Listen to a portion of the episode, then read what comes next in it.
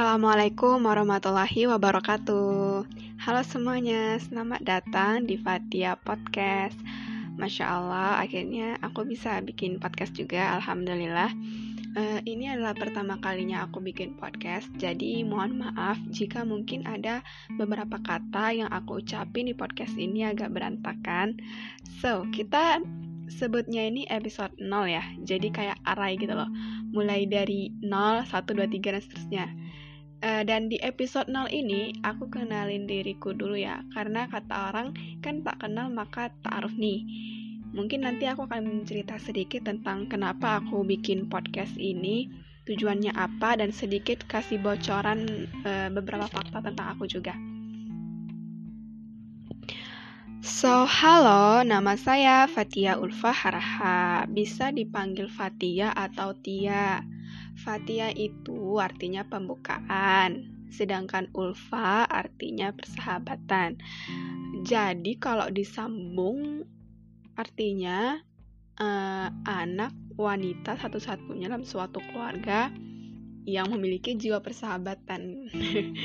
ya, jadi gue uh, merupakan anak wanita satu-satunya dalam keluarga aku. Jadi aku punya abang satu sama adik laki-laki juga satu. Keren dong nama gue ya wes keren aja lah ya cece-nya kayak orangnya. Jadi aku lahir tahun 2001, bisa dibilang sekarang aku sudah berusia 19 tahun ya. Alhamdulillah sekarang menempuh pendidikan di Universitas Negeri Medan uh, sebagai mahasiswi jurusan Bahasa dan Sastra Indonesia. Nah, kenapa aku buat podcast? Nah, alasan aku nge-podcast adalah karena uh, ada beberapa pengalaman dan beberapa informasi serta cerita faedah yang sebenarnya ingin aku ungkap dan ceritain juga kepada teman-teman. Uh, selain itu, di Fatia Podcast ini, aku juga akan menyalurkan beberapa karya seni aku juga. Ya, tujuannya agar ke depannya semakin semangat terus berkarya dan insya Allah dapat menginspirasi teman-teman. Oke, okay, now allow me to share about little facts about me. Fact number one is um, dulunya itu aku adalah seorang fan girl.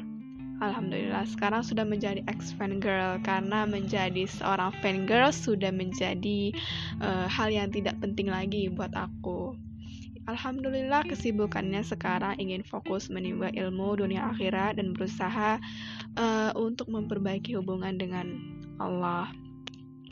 Lanjut, fact number two adalah uh, dulu menempuh dulu aku menempuh pendidikan di SMK jurusan Boga. Sekarang kuliah di Unimed jurusan Pendidikan Bahasa Indonesia. Nah, jadi banyak teman-teman yang kepo gitu. Kenapa sih pindah jurusan ya kan? Jadi uh, ada alasan kenapa aku pindah jurusan. Uh, jadi alasan aku pindah jurusan karena dulu waktu masih SMK tepatnya saat aku PKL di Hotel Miki uh, sering mudah capek gitu ya sering sakit-sakitan. Karena kerja di hotel tuh kalau banyak tamu yang masuk kita yang masak di restoran kerjanya harus cepat dan ligat gitu ya. Jadi pada saat itu aku merasa uh, profesi menjadi seorang juru masak di sebuah hotel tidak cocok buat aku. Selain itu, uh, aku merasa sangat tidak mudah jika seorang wanita dipekerjakan dipekerjakan di sebuah hotel uh, karena pihak hotel itu lebih mau mempekerjakan laki-laki daripada perempuan dengan alasan kalau laki-laki itu lebih kuat gitu ya, ligat dan tahan banting dibandingkan dengan perempuan. Hingga pada akhirnya uh, aku memutuskan untuk pindah jurusan saat kuliah menjadi jurusan Pendidikan Bahasa dan Sastra Indonesia.